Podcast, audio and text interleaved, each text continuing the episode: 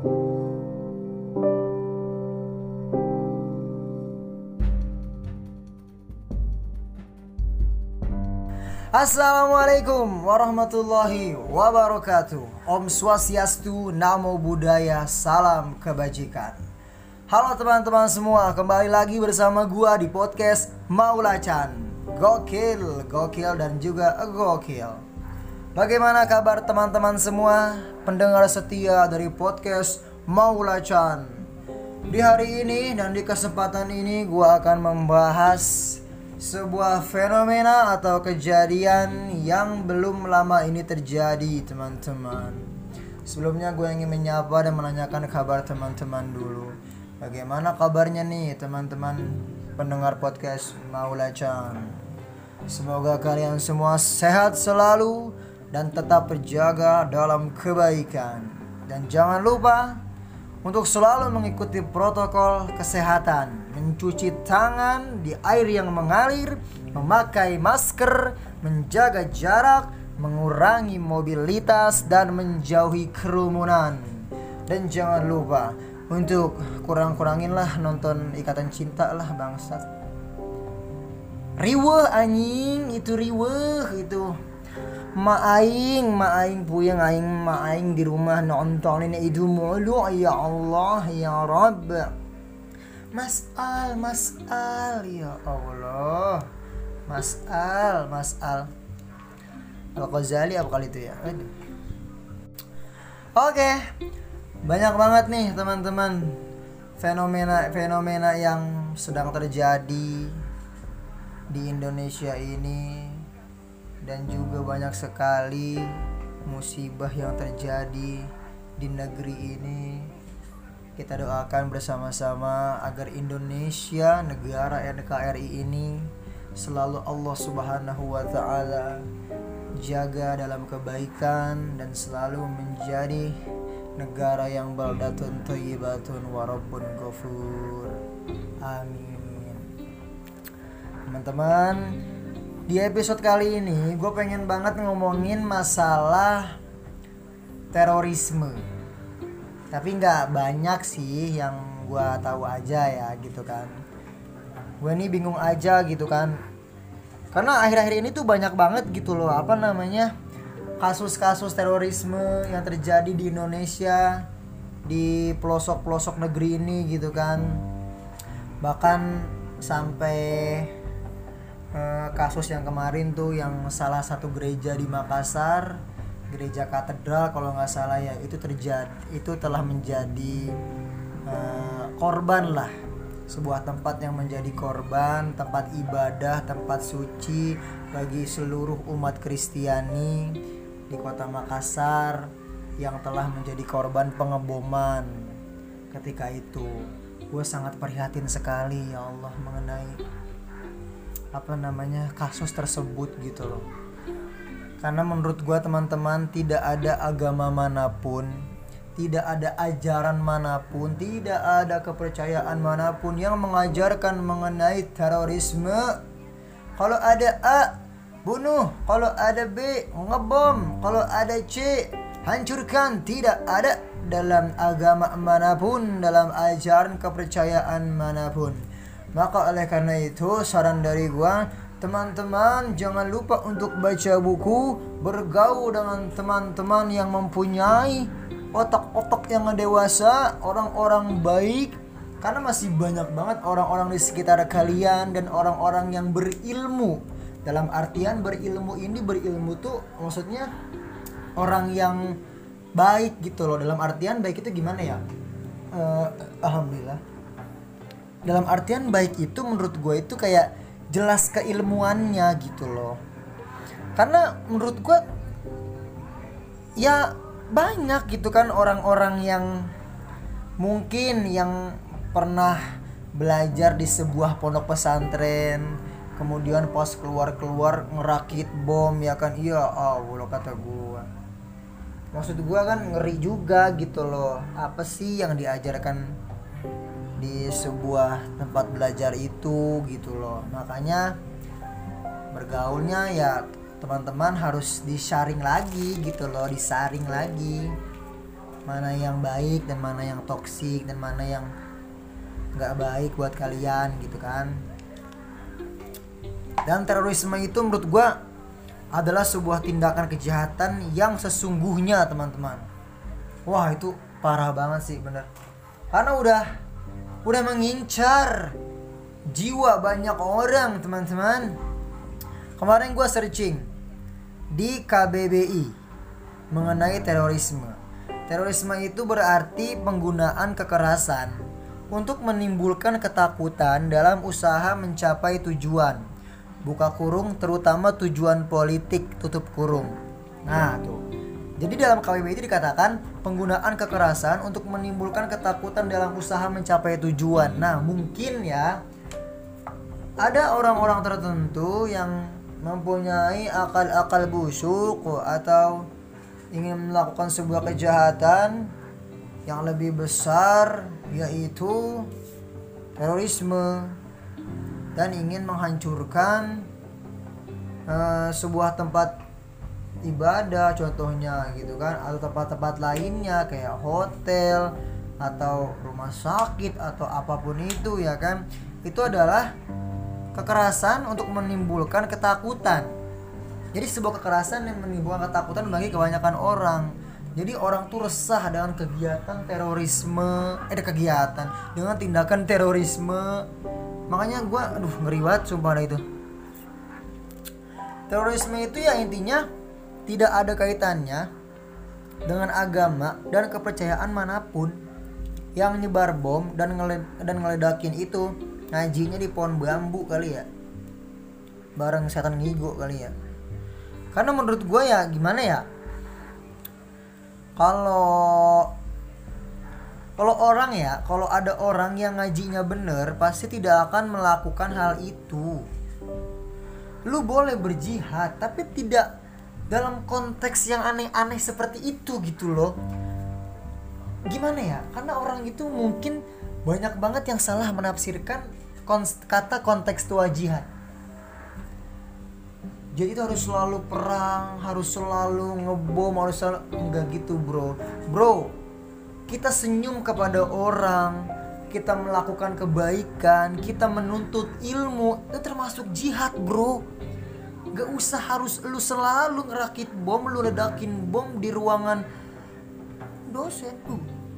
Di ruangan ya tempat-tempat mana pun, apalagi tempat suci seperti tempat ibadah, gereja, masjid, wihara, pura, itu jangan ya Allah ya Rabb ya ciri-ciri yang ngajinya bener itu menurut gua ya yang ngajinya bener. Itu ada gurunya.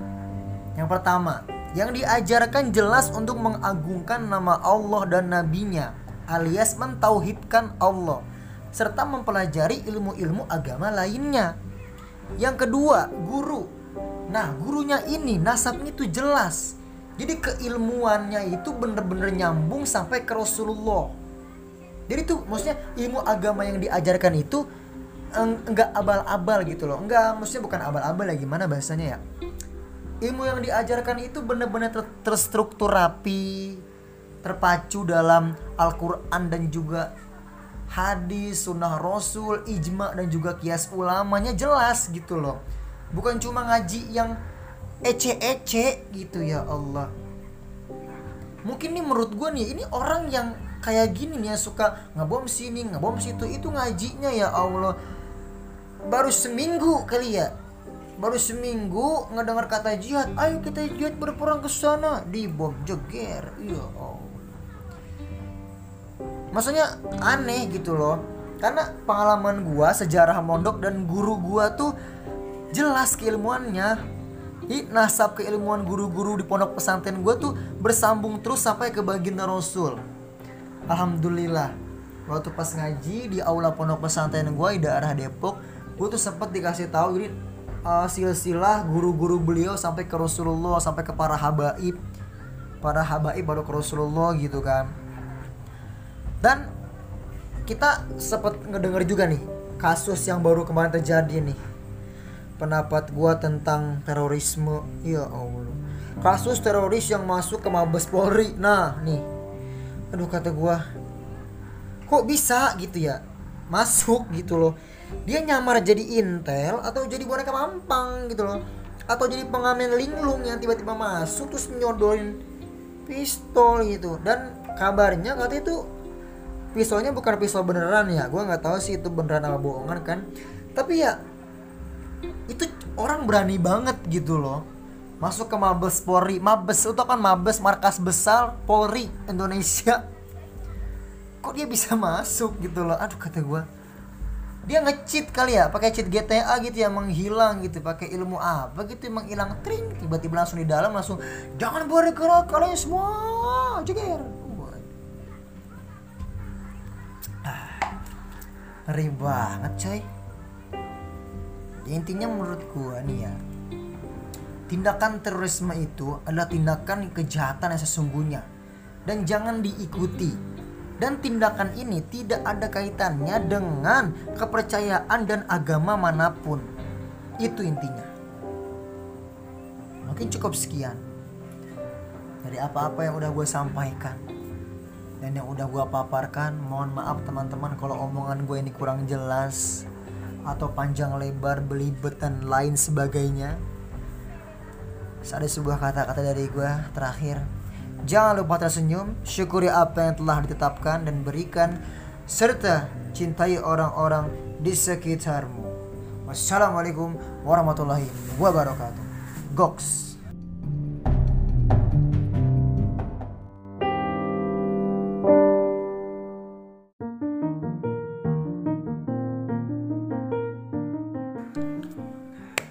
Assalamualaikum Om Swastiastu, Namo Buddhaya, Salam Kebajikan.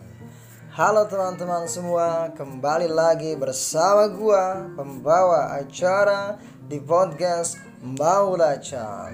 Mantap. Halo teman-teman semua, bagaimana kabarnya? Semoga kalian sehat selalu dan tetap terjaga dalam kebaikan. Gue ingin mengucapkan selamat datang di bulan yang penuh dengan cinta, bulan yang penuh dengan berkah ilahi dan penuh dengan rahmat dan ampunan Allah Subhanahu wa taala. Subhanallah. Mantap. Dan gue pun ingin mengucapkan selamat menjalankan ibadah puasa di bulan suci Ramadan 1442 Hijriah. Semoga amal ibadah kita di tahun ini menjadi rahmat dan ampunan bagi kita dari Allah Subhanahu wa taala. Amin ya rabbal alamin. Mantap. Halo teman-teman semua. Oke. Sebenarnya tidak banyak yang ingin gue bahas di pembahasan kali ini. Kalau misalnya ngebahas puasa, pasti teman-teman sudah tahu ya Maksudnya pasti teman-teman sudah paham apa itu puasa dan bagaimana cara menjalankan puasa dan apa pun yang membatalkannya. Pasti insya Allah teman-teman sudah tahu. Gokil ya, mantep emang nih teman-teman semua nih. Ya puasa itu tidak hanya sekedar menahan lapar dan haus gitu tapi puasa itu harus menahan diri dari hal-hal yang kampret. Uh. Seperti contohnya tidak bangun di siang hari, apalagi bangun menjelang maghrib. Uh, itu mah lu bukan puasa, lu mah namanya latihan meninggal, lu mah simulasi meninggal. Waduh. Makanya di bulan puasa adalah kesempatan kita teman-teman sebuah bulan yang di mana amal ibadah kita itu selalu dilipat gandakan oleh Allah Subhanahu wa taala. Amalan sunnah menjadi amalan wajib dan pahala dari amalan wajib Allah lipat gandakan menjadi 70 kali lipat teman-teman. Subhanallah, subhanallah. Dan menurut gue nih ada hal-hal yang cukup unik ya yang sering banget mungkin kita lihat selama di bulan suci Ramadan gitu kan. Karena bulan suci tahun lalu kan emang udah masuk pandemi kan COVID-19 kan. Eh, kampret juga sih emang COVID. Bulan suci Ramadan tahun kemarin tuh udah masuk pandemi. Ya kita masih kayak jarang lah gitu kan yang namanya menggunakan masker ke mana-mana gitu kan. Keluar pun santuy nggak harus pakai masker nggak harus menjaga jarak nggak harus pakai hand sanitizer masih bisa bukber bareng teman-teman walaupun cuma wacana wacana forever. Waduh. Jadi bedanya mungkin di tahun ini kita tuh ke mana-mana sudah harus pakai masker. Apalagi di tahun ini kan walaupun sudah ada vaksin tapi yang namanya protokol kesehatan kan harus tetap dijalani ya kan? Kayak pakai masker menjaga jarak menggunakan hanis, menggunakan hand sanitizer dan mengurangi mobilitas. Bukber atau buka bersama kan menurut gue termasuk mobilitas kegiatan orang banyak gitu kan? Yang mana itu tuh harus dikurang-kurangin ya kalau lu pengen bukber ya jangan sampai ketahuan aparat kepolisian. Waduh gitu teman-teman. Dan ada lagi ya sesuatu yang menurut gua tuh apa ya kayak membosankan gitu. Kayak bikin gua tuh lama-lama enek gitu ngelihatnya. Lu pasti pernah kan ngelihat jokes jokes yang aduh kata jokes jokes abadi jokes jokes yang selalu nongol selama di bulan puasa. Kayak contohnya gini ya. Kita baru masuk bulan puasa nih. Kemarin itu hari pertama. Tiba-tiba ada yang bikin status WhatsApp atau Insta Story atau bahkan nge-tweet nggak berasa nih lebaran tinggal 29 hari lagi. Iya Allah. Bacot itu yang pertama. Itu nanti nanti nanti dari situ tuh tuh bisa berakar lagi tuh. Ada lagi tuh jokes jokes yang kampret tuh. Alhamdulillah. Ada lagi kayak misalnya ngabuburit dulu ah sambil ngopi. Iya oh boleh gimana ngabuburit sambil ngopi ya kan? Lu Fir'aun lu. Ada lagi berbukalah dengan yang manis. Wah dikasih foto. Iya Allah. Ada lagi lihat kecoa kayak lihat korma. Waduh itu azan apaan? Azan asar. Oh gue kan azan maghrib. Sama ya ya nggak gitu dong mainnya. Hei tolong. Kumur-kumur pakai marjan batal nggak? Iya oh kumur-kumur pakai marjan. Coba lu ngomong gitu di depan kiai. Uh, pak kiai kira-kira kumur-kumur pakai marjan batal nggak ya? Langsung lu dikutuk lu. Jadi keran masjid. Rasain lu ada lagi nih yang paling aneh nih. Hai orang-orang yang beriman. Oh captionnya.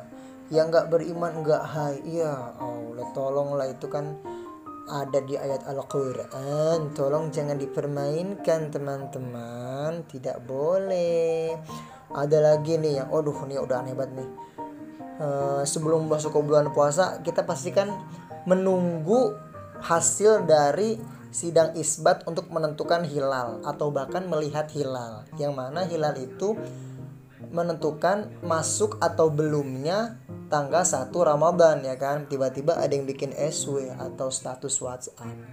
Hilal udah terlihat, yang belum tuh cuma jodoh. Ya Allah tolong dah aduh. Jodoh itu dicari bukan disama-samain dengan hilal. Bodoh. Eh, ente. Jangan lupa makan siang biar kuat puasanya. Iya, Allah, enggak gitu dong. Emang Anda bocah paud kecuali Anda bocah paud. Ada lagi nih yang paling maksud nih menurut gue nih. Berbukalah dengan yang sayang karena yang manis belum tentu sayang. Eh, iya, oh ada e-nya, tolong itu. Udahlah, tolong maksud gue jangan dipakai lagi itu jokes dari dari zaman Firaun ngopi di kopi janji jiwa coba tolong. Jangan dipakai lagi itu jokesnya. Itu udah sering banget dipakai. Sering banget ketemu di bulan puasa. Kenapa masih dipakai? Udah gitu gue paling yang yang paling gue yang menurut gue unik dan paling gue suka tuh selama bulan suci ya. Kita tuh sering banget biasanya ngelihat kayak public figure atau bahkan kayak penyanyi yang uh, membaca doa berbuka puasa di TV menggunakan lagam. Kayak waktu itu gue pernah ngeliat Raisa di SCTV ya kan, dia nyanyi Allahumma laka sumtu wa bika amantu wa ala rizqika aftartu birahmatika ya arhamar rahimin. Widih mantap coy. Kita buka puasa semangat ya kan? Karena diawali dengan berbuk doa berbuka puasa yang dilantunkan oleh Reise Coba kalau bulan puasa ini dilantunkan oleh para narapidana di lapas Cipinang, udah terla, terasa sungguh sangat seram ya kan.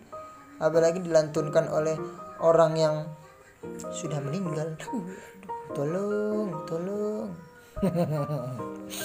Aduh. Udahlah pokoknya kayak saran dari gue jokes jokes yang tadi gue sebutin tuh jangan dipakai lagi lah udahlah tolong diganti referensi jokesnya kemudian lu kalau misalkan mau lebih produktif di bulan puasa ya lu bikin apa ke yang membuat lu tuh nggak cuma hanya tidur nonton YouTube WhatsAppan buka Instagram buka Twitter lu berkarya ke? Ya lu ngapain ke? Ya kan? Biar puasa lu tuh lebih terasa gitu loh. Lebih bermanfaat. Udah gitu aja iya kan? Duh. oke mungkin cukup sekian itu aja yang bisa gua obrolin dan gua pengen bacotin di episode kali ini. Pokoknya teman-teman tetap semangat menjalankan ibadah puasa Semoga amal ibadah kalian dan kita semua diterima oleh Allah Subhanahu wa taala dan jangan lupa untuk berbuka puasa setelah maghrib. Hei, tolong setelah maghrib, bukan jam 2 ya, bukan jam 2 diam-diam di dapur. Dan jangan lupa sahur di jam setengah tiga sampai sebelum imsak. Mantap. Kurang lebihnya mohon maaf. Gua Mawala Faiz Bakery. Wassalamualaikum warahmatullahi wabarakatuh